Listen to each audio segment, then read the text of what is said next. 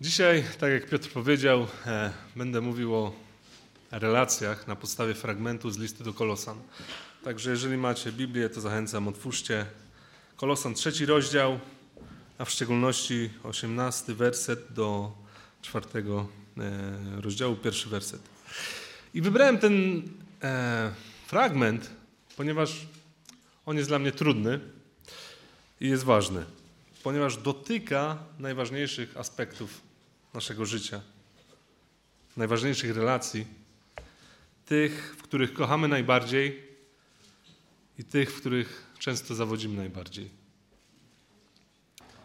Ale też tych, w których spędzamy najwięcej czasu, czyli w pracy. I myślę, że każdy z nas, jak tu siedzimy, może odnaleźć się w którejś z tych ról, o której opowiada ten fragment, o której, e, którą będę omawiał. Czyli żona, mąż, dziecko, rodzic, pracownik, uczeń, pracodawca. Ja sam patrzę na ten fragment z perspektywy ojca, męża i pracodawcy. E, więc poznacie trochę mojej perspektywy, może być trochę osobiście. I dlaczego warto o tym mówić? Dlatego, że relacje są trudne. Dlaczego są trudne? Dlatego, że po pierwsze ja jestem problemem. Każdy z nas jest grzeszny i naturalnie chcemy budować swoje własne królestwa, gdzie jesteśmy panami, gdzie jesteśmy królami. I dlaczego to jest problem? Bo gdy spotykamy drugą osobę, to ona ma dokładnie ten sam problem. Chce budować swoje królestwo, w którym dominuje. Więc, gdy spotykają się dwa królestwa, walczą o teren, do czego dochodzi? Dochodzi właśnie do walki. I ja im dłużej żyję z Bogiem, tym bardziej Bóg pokazuje mi z jednej strony, jak wiele zmienił we mnie w tym temacie, ale z drugiej strony pokazuje mi, jak, jak wiele rzeczy jest jeszcze do zmiany. I zaczynam rozumieć, że każda moja relacja potrzebuje Zbawiciela, że ja i moje królestwo potrzebujemy Zbawiciela, który daje inny model, dzięki któremu będę mógł szukać królestwa nie swojego, ale królestwa Chrystusa. I na tej podstawie będę mógł zbudować zdrową relację. I myślę, że jako chrześcijanie Chcemy żyć dobrym, świętym życiem. Chcemy podobać się Bogu w tym, jaką mamy rodzinę, w tym, jakie mamy małżeństwo, w tym, jak wychowujemy dzieci, w tym, jak pracujemy. Ale często brakuje nam motywacji, może brakuje nam przykładów, może brakuje nam mądrości, brakuje nam siły i potrzebujemy wsparcia. I Kościół w Kolosach, do których Paweł pisze ten list, nie był założony przez Pawła. On nie miał chrześcijańskich fundamentów. I myślę, że dlatego też oni potrzebowali wsparcia właśnie w tych tematach. I Paweł pisze do nich ten list właśnie jako taka pomoc, zachęta, poniekąd instrukcja, jak to życie ma wyglądać. Dla rzymskich pogan, którzy niedawno poznali Chrystusa, w ich głowach na pewno kołatały się pytania właśnie, jak żyć? Jak budować zdrową rodzinę? Jak Mamy pracować. Jak oddawać Bogu chwałę? Czy to, jakie mam małżeństwo, czy to, jak prowadzę moją rodzinę, to się Bogu podoba? Czy mamy się inspirować tym, co widzimy w kulturze, tym, co nam prawo nakazuje?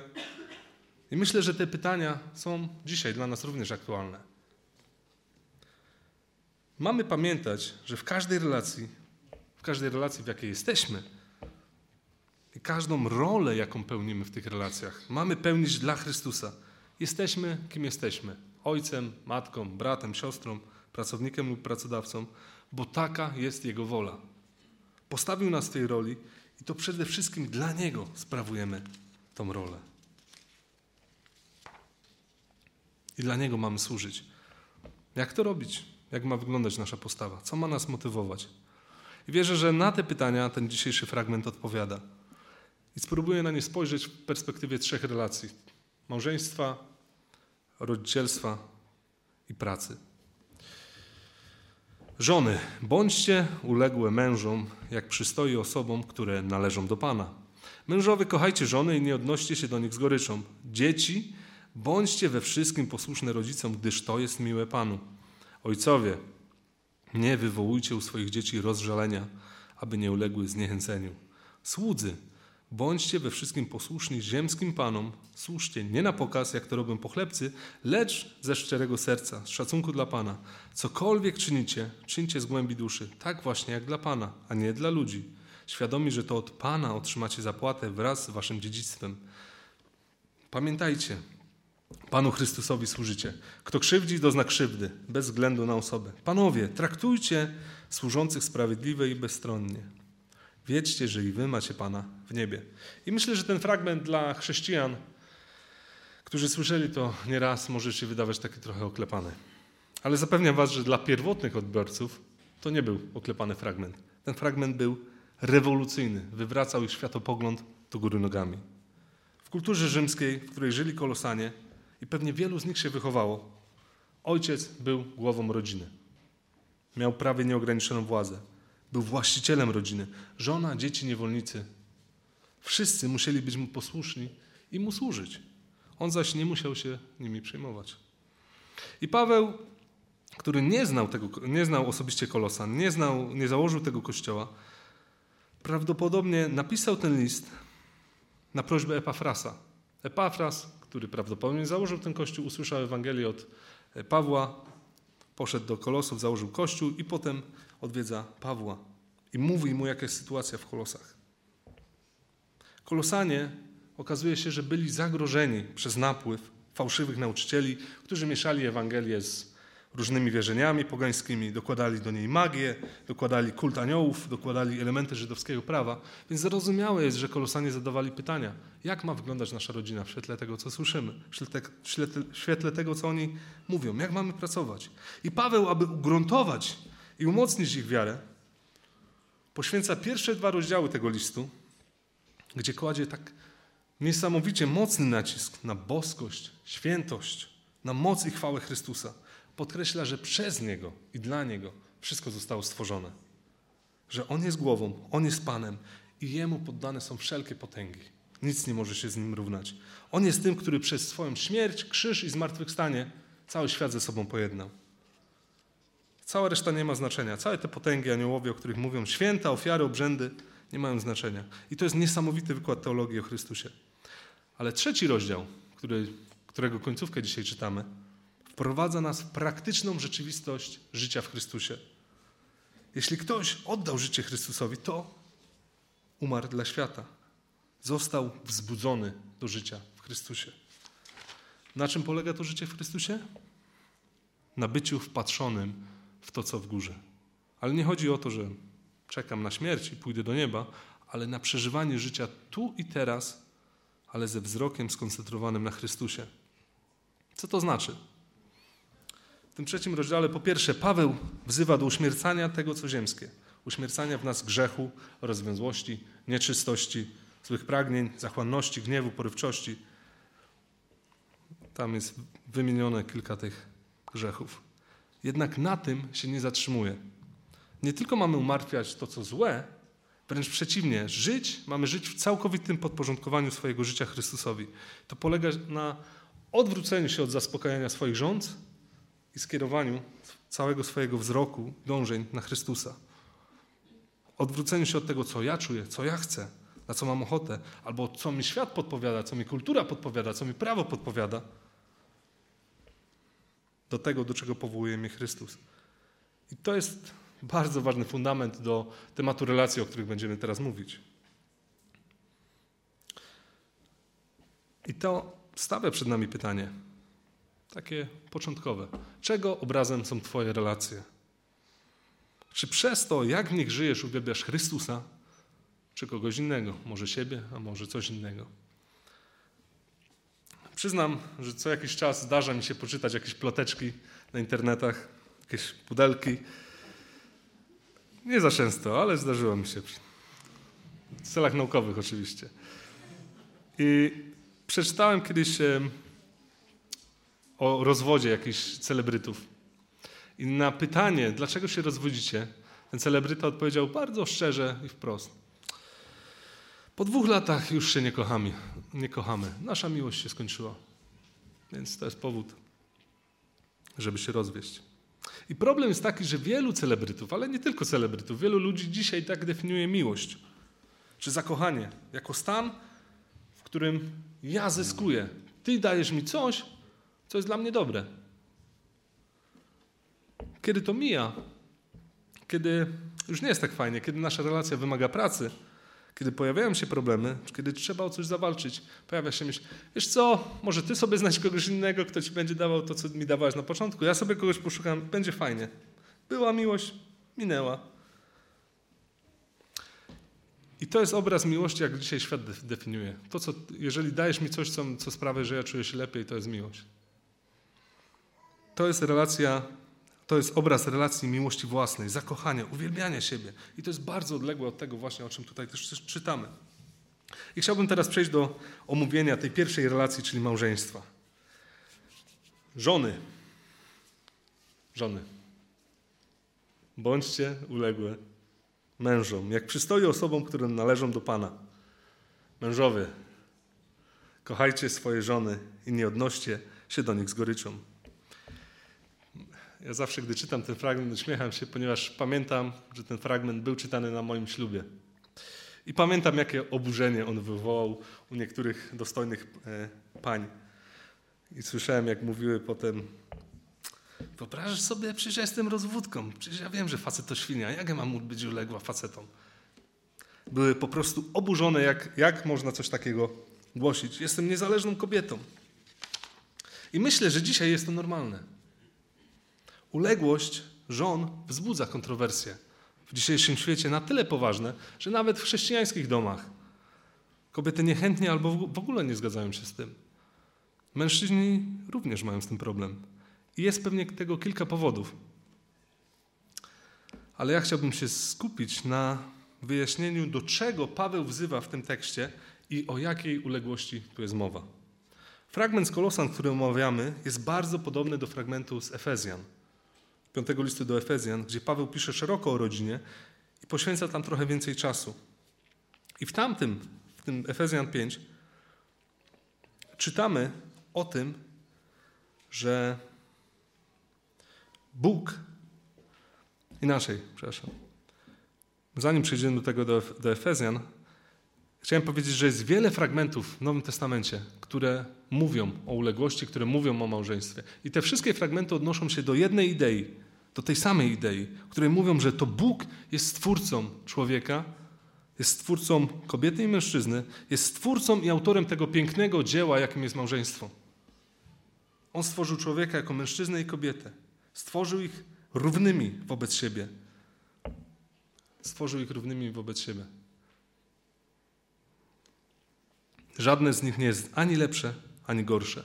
Stworzył ich jednak różnymi. Nadał im inne role. I dziś, w związku z tym, że świat każe nam tak bardzo skupiać się na sobie, na budowaniu marki osobistej, własnego imidżu, myśleniu o sobie, stawianiu siebie na pierwszym miejscu, swoich pragnień.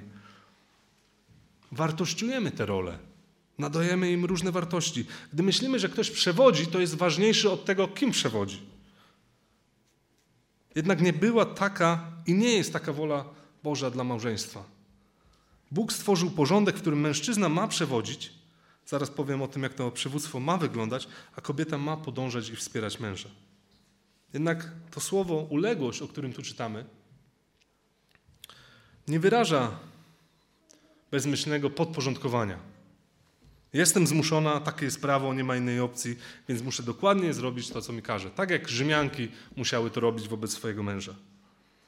Nie. Chodzi tu o chęć, o postawę tego, że ja chcę być prowadzona przez męża. Chcę mu ufać, chcę go wspierać w podejmowaniu decyzji i braniu odpowiedzialności. I mimo, że możemy się różnić, czy mogą się różnić, żona chce go szanować i nie chcę mu nawet wypominać złych decyzji i popełnionych błędów. Podam Wam przykład z mojego małżeństwa, e, który bardzo lubię. Zanim pojawiły się nasze dzieci, co było jakiś czas temu, razem z Martą mamy, mieliśmy wspólną pasję, jaką było podróżowanie. To były czasy jeszcze przed internetem, przed komórkami, przed GPS-ami, więc trzeba było posługiwać się takimi starożytnymi artefaktami jak mapa. Więc gdy docieraliśmy, byliśmy za granicą, docieraliśmy do jakiegoś miasta, pierwszy punkt, który odwiedzaliśmy, to był punkt e, informacji turystycznej po to, żeby zdobyć mapę. Omawialiśmy mniej więcej, co chcemy zobaczyć, gdzie chcemy dojść i następnie ja brałem tą mapę, podejmowałem decyzję, y, gdzie idziemy, którą drogą idziemy, gdzie skręcić. Prowadziłem, a moja żona szła za mną. Gdy ona szła za mną, ja byłem skupiony na drodze, a ona mogła skupić się na tym, co jest dookoła. Mogła patrzeć, jakie są fajne knajpy, gdzie coś fajnego się dzieje, gdzie warto wrócić, co, jakie są zabytki. Ja patrzyłem na mapę i moją odpowiedzialnością było bezpieczne dotarcie do celu. Ona mogła dzielić się ze szczegół, z szczegółami tego, co widzi, które miały wpływ na kierunek, który obierałem. Robiła to, bo czuła się bezpiecznie. Wiedziała, że nie prowadzę jej po to, żeby ją zdominować, żeby było tak, jak ja chcę, ale po to, żeby ją bezpiecznie doprowadzić do celu. I wybierałem trasy najlepsze, najciekawsze dla nas. Wiedziała, że ja wiem, gdzie chcemy dojść. I wiedziała, że robię wszystko, co najlepsze. Ufała mi i zawsze mnie w tym wspierała i pomagała w podejmowaniu dobrych decyzji. I dla mnie to jest przykład tego, jak te role się uzupełniają. Ale uwaga, mówiłem, że będzie osobiście, więc teraz powiem Wam coś, co prawie nikomu nie mówiłem. Podczas tych podróży była sytuacja, gdzie raz zdarzyło mi się zabłądzić. To było, to jest szokujące. Ja, oczywiście nie raz, może dwa albo trzy. Były takie sytuacje, czyli ja zabłądziłem prowadząc moją żonę, czyli moja żona również zabłądziła.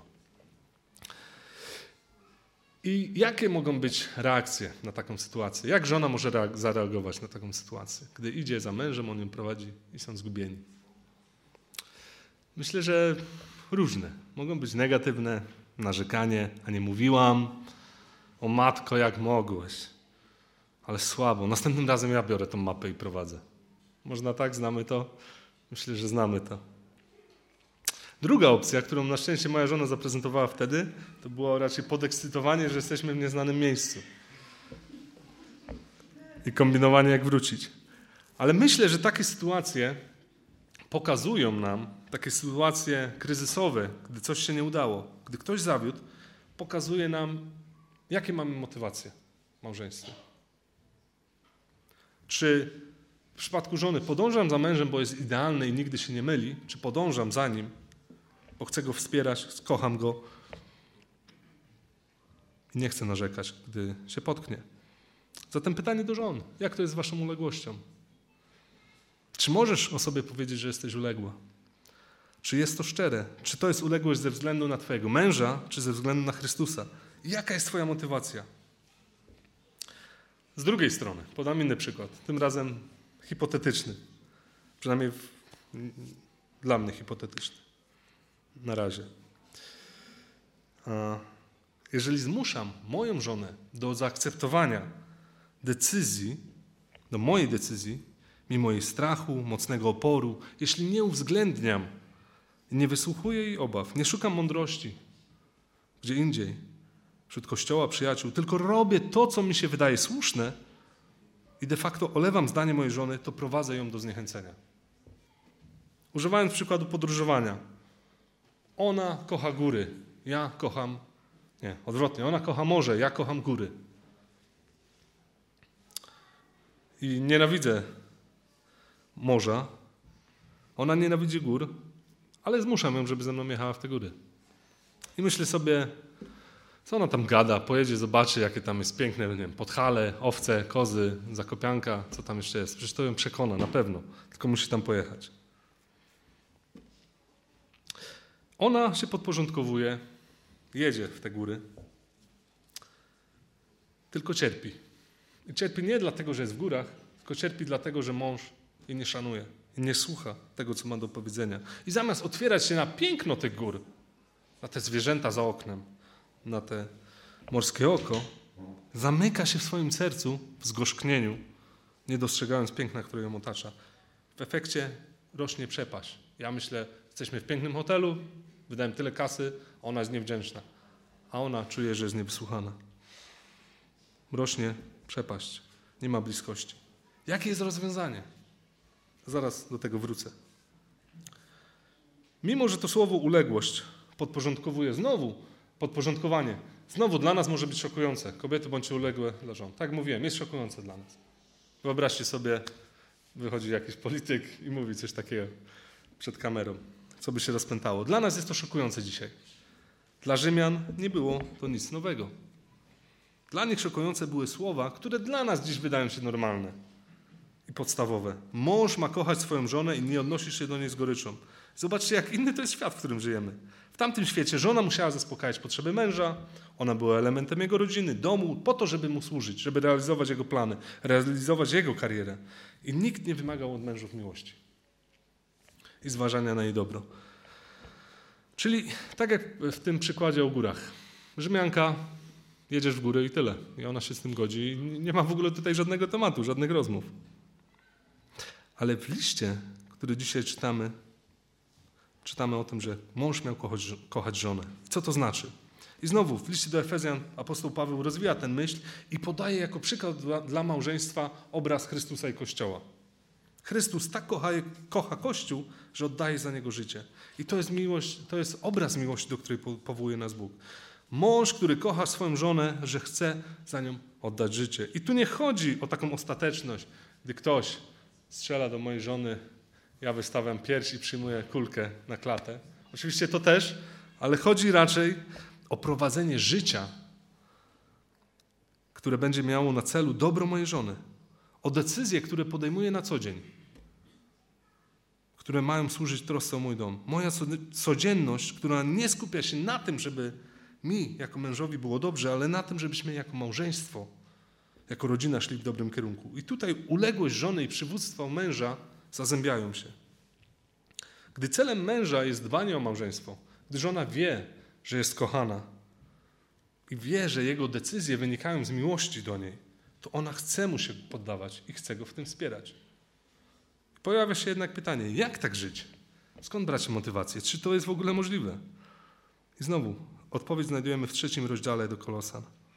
Nasze małżeństwo ma być wyrazem nowego życia w Chrystusie. Życie w Chrystusie, które wyraża się odrzuceniem i uśmiercaniem grzechu naszych, naszych oczekiwań, naszych rząd, odrzuceniem tego, że nasze małżeństwo ma służyć mi i ma być skupione na mnie. Nasze małżeństwo ma być skoncentrowane na Ewangelii. Ewangelia, która mówi, że Chrystus umarł za moje błędy, za moje grzechy, która mi przypomina o tym, że ja cały czas grzeszę wobec Boga. A Chrystus mi przebaczył. Przypomina mi, że ja grzeszę wobec mojego współmałżonka. A Chrystus mi przebaczył. I gdy mój współmarzonek zawodzi, gdy popełnia grzechy, błędy, ja chcę mu przebaczyć. Dlaczego? Bo mi Chrystus przebaczył. Gdy mój współmałżonek zawodzi, nawet wtedy, jako żona, chcę być mu uległa i dać się prowadzić. Nie dlatego, że on jest idealny i że jest najmądrzejszy i nie popełnia błędów, ale dlatego, że wierzę, że tak zaplanował to Bóg. Bo chcę Bogu oddawać chwałę tym, jak wspieram męża w tej odpowiedzialności. Chcę mieć z tego radość, chcę mieć tym pokój. Chcę szukać woli Bożej, jak to robić najlepiej. I jako mąż, z drugiej strony, chcę przewodzić mojej żonie nie dlatego, że jest słabsza ode mnie, że jestem mądrzejszy, silniejszy, bardziej zaradny, lepiej się znam na mapach. Nie dlatego, że w ten sposób spełniane są moje zachcianki i pragnienia, że jest po, po mojemu. Robię to w odpowiedzialności przed Bogiem, patrząc na Chrystusa i Kościół. I, I mną ma kierować miłość o moją żonę, jej dobro i mam ją prowadzić do Chrystusa i mam być dla niej zachętą. Zatem wracając do tej różnicy, do rozwiązania tej różnicy zdań, czy tego problemu wyjazdu nad morze, czy w góry. I oczywiście w każdej sytuacji liczą się szczegóły. Ja tylko zarysowuję taki szeroki obraz um, tej sytuacji. Jeśli ja bym był w takiej sytuacji, oprócz tego, że to pamiętałbym, że oprócz tego, że mam przewodzić mojej żonie, podejmować decyzje, mam, przynajmniej chciałbym, wiadomo jak jest w praktyce, różnie, ale chciałbym pamiętać, że mam ją, o nią dbać i ją kochać. Mam w taki sposób przewodzić, żeby moja żona czuła się kochana, żeby moja żona czuła się wysłuchana, uwzględniana. Co to w praktyce oznacza? Zastanowiłbym się, czy, wy, czy wyjazd w góry jest dla mnie kluczowy, czy nie mogę pojechać tam jednak z kolegami, a nie z żoną, czy mogę ustąpić. Zastanowiłbym się, jak mogę zadbać o serce mojej żony w tej sytuacji, w kontekście morza. Dlaczego jej na tym morzu tak zależy? Rozmawiałbym, szukał rozwiązania. Może skupiłbym się na zbudowaniu atmosfery, w której ona by chciała pojechać w te góry. Może chciałaby spróbować. Jakby z chęcią pojechała, to może by dostrzegła, jak fajne są te owce. Może by to ją przekonało. Podsumowując, szukałbym możliwości usłużenia jej i zadbania o jej serce. prowadzenia do tego, co jest najlepsze, nawet kosztem moich pasji, moich hobby. Mężu, czy bierzesz odpowiedzialność za swoją żonę?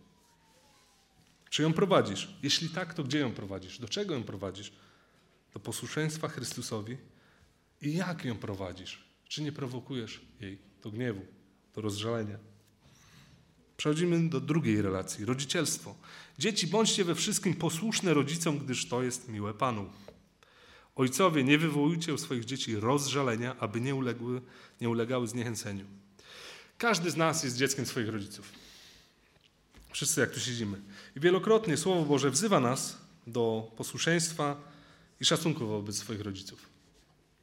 Jako dzieci niepełnoletnie mieszkające z rodzicami jesteśmy wezwani do pełnego posłuszeństwa. Oczywiście jest wyłączeniem grzechu, ale gdy stajemy się dorośli, ta zależność posłuszeństwa maleje.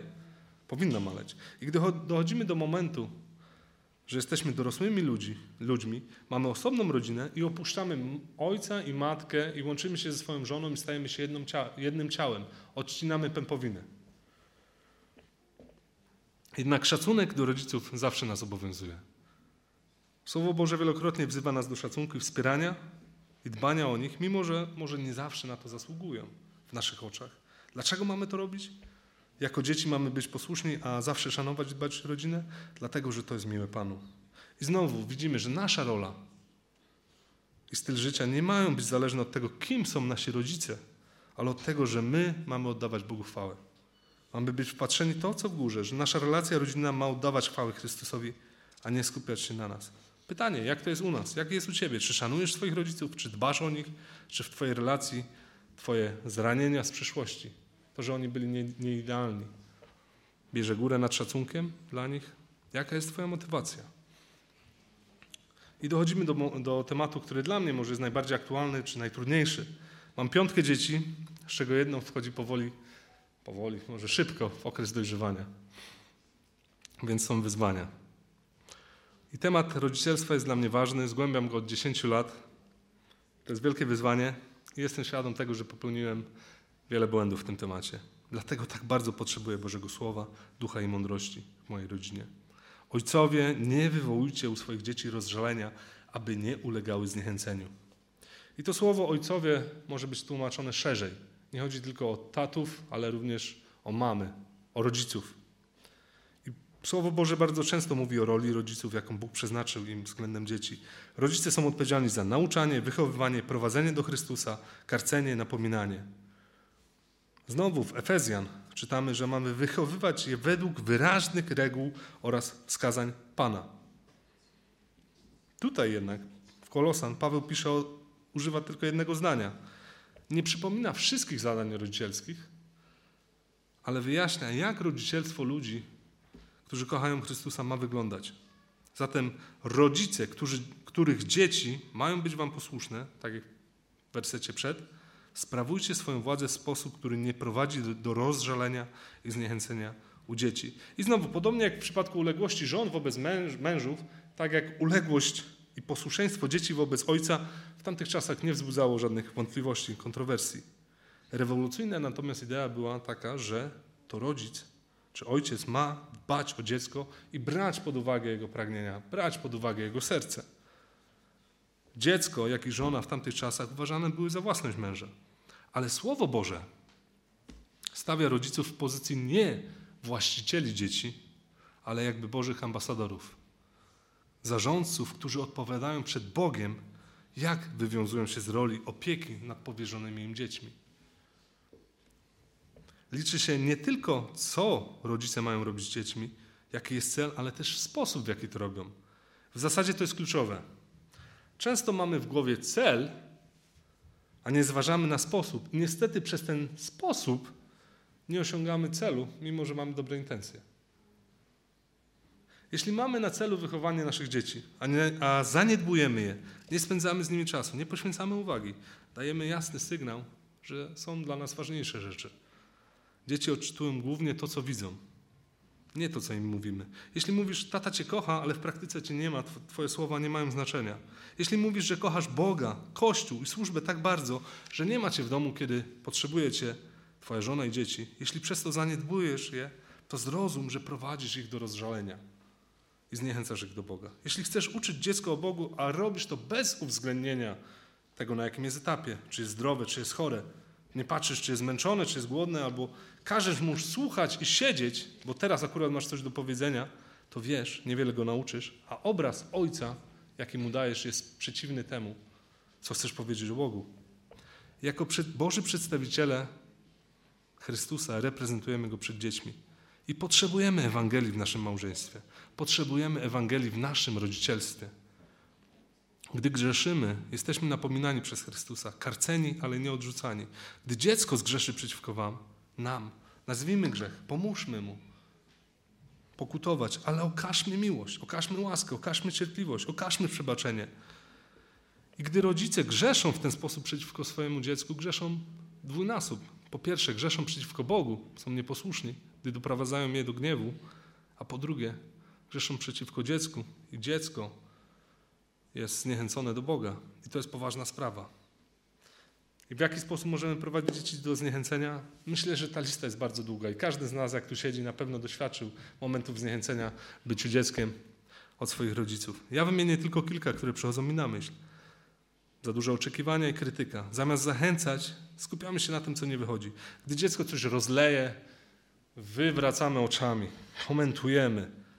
O matko, znowu to zrobiłeś. Może krzyczymy. Traktowanie z góry. Niepozwolenie dokończyć zdania. Niesłuchanie, nadużywanie dyscypliny. Brak dyscypliny, brak łagodności, straszenie. Można by wymieniać długą listę. Podsumowałbym to, że to jest każde działanie, które nie skupia się na dobru dziecka, na korekcie, na napominaniu, na edukacji, na zachęcie, ale na wyrazie osiągnięcia naszej własnej woli, dominacji naszej własnej woli, na chęci panowania nad tym małym człowiekiem, szczególnie jeżeli ktoś obraził nasz majestat. Jako sytuacja, gdy wychodzimy jako rodzice z roli Bożych ambasadorów, a sami stajemy bogami, sędziami wobec naszych dzieci. I wiecie, ja jestem jako rodzic szczęśliwy, i myślę, że mam w tym temacie trochę doświadczenia i trochę mądrości, jednak w dużej, w dużej mierze wzięło to, się to z moich porażek. Jestem świadom, że wielokrotnie zawiodłem moje dzieci i, do, i prowadziłem je do zniechęcenia i gniewu. I podam wam przykład sytuacji, która zdarzyła się raz, może dwa w moim domu. Może więcej. Poprosiłem moje dzieci, żeby coś zrobiły. Posprzątały pokój, na przykład. One się nie zabrały do tego od razu, albo zabrały się bardzo wolno, albo źle się do tego zabrały, albo w ogóle się do tego nie zabrały. Były nieposłuszne. I zamiast je napomnieć w spokoju, usiąść, porozmawiać, popatrzeć w oczy na ich poziomie, zobaczyć jak się czują i tak dalej. Wyciągnąć, y, napomnieć, wyciągnąć konsekwencje, starać się dotrzeć do ich serca, przekazać żeby zrozumiały, że są nieposłuszne i grzeszą w ten sposób. Zdarzyło mi się unieść w gniewie, ponieważ wziąłem to osobiście, wziąłem to za brak szacunku wobec mnie, wobec ojca. I w rezultacie podniosłem głos, zacząłem narzekać, podkreślać, ile ja to muszę robić, tutaj zarabiać, przychodzić, sprzątać, a one nie potrafią jakieś tam rzeczy zrobić. Krytykować ich postawę, mówić jakieś złe rzeczy, czy coś, czego nie powinienem. Mówiłem słowa, które je raniły. Gdy na to nie było jakiejś reakcji, to jeszcze mnie podpalało, że nie reagują, że jestem wkurzony, to dorzucałem jeszcze jakąś karę. Po to, żeby ich zranić, żeby ich to wstrząsnęło. I gdy ochłonąłem, zaczynałem analizować. Mówiłem sobie, serio? Serio to powiedziałeś? Serio dałeś taką karę? Przecież to jest dokładne zaprzeczenie tego, o czym pisze ten fragment. W ten sposób dokładnie prowadziłem je do zniechęcenia. Zamiast wykorzystać ich nieposłuszeństwo jako okazję do rozmowy o grzechu, o łasce, o posłuszeństwie, miłości, przebaczeniu, zrobiłem coś, czego musiałem się wstydzić. I się wstydziłem. Coś, co pokazało im, że zasady w naszym domu nie są zależne, nie są stałe, zależne od tego, co Bóg powiedział, tylko od tego, jak ja, jaki tata akurat ma humor, czy jest wkurzony, czy nie. I, I karanie również nie ma jakichś solidnych fundamentów, tylko zależne od humoru ojca. Czyli coś, co totalnie zaprzecza Bożym zasadom. Łasce i sprawiedliwości. Po prostu wstyd. Ale na szczęście to nie jest koniec tej historii, koniec mojego rodzicielstwa. Dzięki temu, że wiem, że Chrystus jest moim Panem, wiem, że mi przebaczył. Jestem świadom mojego grzechu przeciw, grzechu przeciwko moim dzieciom. I w takich sytuacjach następne co robię, to idę do nich, przepraszam ich i proszę ich o przebaczenie. I wiecie, to jest trudne ukorzyć się przed swoim dzieckiem. Trudne jest prosić dziecko o wybaczenie. Zejść z piedestału. Ale z drugiej strony nie wiem, czy jest mocniejsze świadectwo dla dziecka niż to, że ich tata wierzy i żyje tym, co głosi. Że jest świadom, że jest grzeszny i wie, że potrzebuje przebaczenia. I wie, że otrzymał to przebaczenie od Chrystusa. I prosi o to przebaczenie od dziecka. Dziecko dzięki temu zaczyna rozumieć konsekwencje grzechu w praktyce, zaczyna rozumieć łaskę i uczy się wybaczać. Przejdźmy teraz do ostatniej relacji. Praca, niewolnik, pan. Słudzy, bądźcie we wszystkim posłuszni ziemskim panom. Słuszcie nie na pokaz, jak to robią pochlebcy, lecz ze szczerego serca, z szacunku dla Pana. Cokolwiek czynicie, czyńcie z głębi duszy. Tak właśnie jak dla Pana, a nie dla ludzi, świadomi, że to od Pana otrzymacie zapłatę wraz z waszym dziedzictwem. Pamiętajcie, Panu Chrystusowi służycie. A kto krzywdzi, dozna krzywdy, bez względu na osobę. Panowie, traktujcie służących sprawiedliwie i bezstronnie. Wiedzcie, że i wy macie Pana w niebie. Niewolnik nie miał wyboru, musiał służyć. Przynajmniej tak to wyglądało z zewnątrz. Jednak Paweł adresuje to, co on ma wewnątrz, jego serce. Chodzi o to, żeby serce sługi było szczere, zaangażowane w służbę swojego Pana. Dlaczego? Dlatego, że to, w jaki sposób służy, oddaje chwałę Bogu. Jeśli zna Chrystusa, to Chrystus jest jego prawdziwym Panem. I to, co musi robić dla ziemskiego Pana, ma robić dokładnie tak, jakby robił dla Chrystusa. Ma być świadectwem przemienionego życia, które wpatruje się w to, co w górze, mimo że jest niewolnikiem na ziemi, ma oczekiwać, że przez tą pracę otrzyma od Boga znacznie wspanialszą nagrodę. Dodaje również, że Bóg jest sprawiedliwy. Jeśli jesteście krzywdzeni, to Bóg wymierzy za to zapłatę. Macie być wierni w tym zadaniu. Z tego będziecie rozliczeni. I jak to się ma dzisiaj do nas?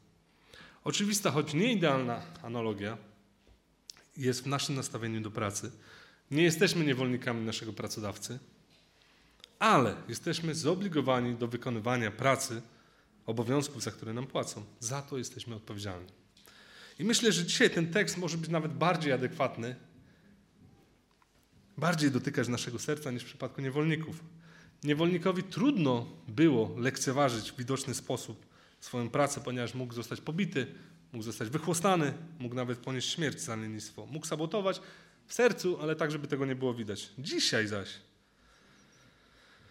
nikt nas nie każe w taki sposób przynajmniej za niedopełnianie naszych obowiązków. Pracujemy zdalnie, w domu mamy system rozliczeń, który jest lepszy lub gorszy, który daje nam wiele możliwości do pracy, ale do odpoczynku również. Nie jest tak? Czego Bóg od ciebie oczekuje w twojej pracy? Tego, żebyś pracował dla Chrystusa, żebyś miał świadomość, że On widzi każdy twój krok, każde twoje scrollowanie, każdy twój film obejrzany w pracy, każdą twoją myśl, którą nie oddajesz Mu chwały. Twój pracodawca może nie być najlepszy, może cię nie doceniać, może być wkurzający, ale to nie zwalnia cię z pracy dla Chrystusa. I niech to będzie dla nas zachętą, szczególnie w tych momentach zniechęcenia, że nasza praca nie ma być po to, żeby się podobać tej czy tamtej osobie, ale po to, ale pracujemy dla tego, który nas zbawił. Oczywiście mamy prawo zmienić pracę i zachęcam, jeżeli jesteście w pracy, w której ktoś was wykorzystuje, ale z jeżeli z jakichś względów zostajecie w tym miejscu, w którym jesteście, to myślcie o tym jako okazji do oddawania chwały Chrystusowi przez to, jak pracujecie. I znowu, tak jak w przypadku żony i dziecka, Paweł pisząc o niewolniku nie wywoływał żadnego wstrząsu kulturowego. Tak, ale wywo wywołał go, gdy pisał o panach. Pan, ponieważ wtedy Pan miał prawo rozporządzać swoim niewolnikiem wedle uznania. Miał prawo go zabić, miał prawo go faworyzować. Jednak Paweł wzywa do traktowania niewolników bezstronnie i sprawiedliwie. Sprawiedliwie. I to musiało być szokujące. I co więcej, podkreśla, że tak naprawdę mimo iż jesteś Panem, masz niewolników, to sam masz Pana w niebie. A ten patrzy na to, jak sprawujesz swoją władzę. nad tym, co ci powierzono. Zatem znowu, nie jesteś już królem i władcą, ale jesteś ambasadorem, zarządcą, przedstawicielem. Ty odpowiadasz przed Ojcem. Jeśli masz wzrok wpatrzony w górę, będziesz naśladował Chrystusa w tym, jak traktujesz ludzi ci podległych. Będziesz oddawał mu chwałę w tym, jak jesteś sprawiedliwy wobec, wobec ludzi. W jaki sposób odnosi się to do nas? Jeśli niewol, niewolnika przyrównywaliśmy do pracownika, to Pana możemy porównać z pracodawcą. Zatrudniasz ludzi, płacisz im za konkretne obowiązki. Oni nie są po to, żeby spełniać wszystkie Twoje potrzeby, rozwiązywać Twoje problemy, ale mają zajmować się tym, za co im płacisz. Masz ich szanować, doceniać, masz być sprawiedliwy. Dlaczego? Dlatego, że jako człowiek odrodzony sam masz pracodawcę, sam masz Pana w niebie. I zgodnie z tym, co czytaliśmy wcześniej, cokolwiek robimy, jemy czy pijemy, mamy oddawać Bogu chwałę. Zatem to, jak organizujemy ludziom pracę, jak nimi zarządzamy, jak rozmawiamy o problemach, jaki mamy ton głosu, ma oddawać chwałę Chrystusowi.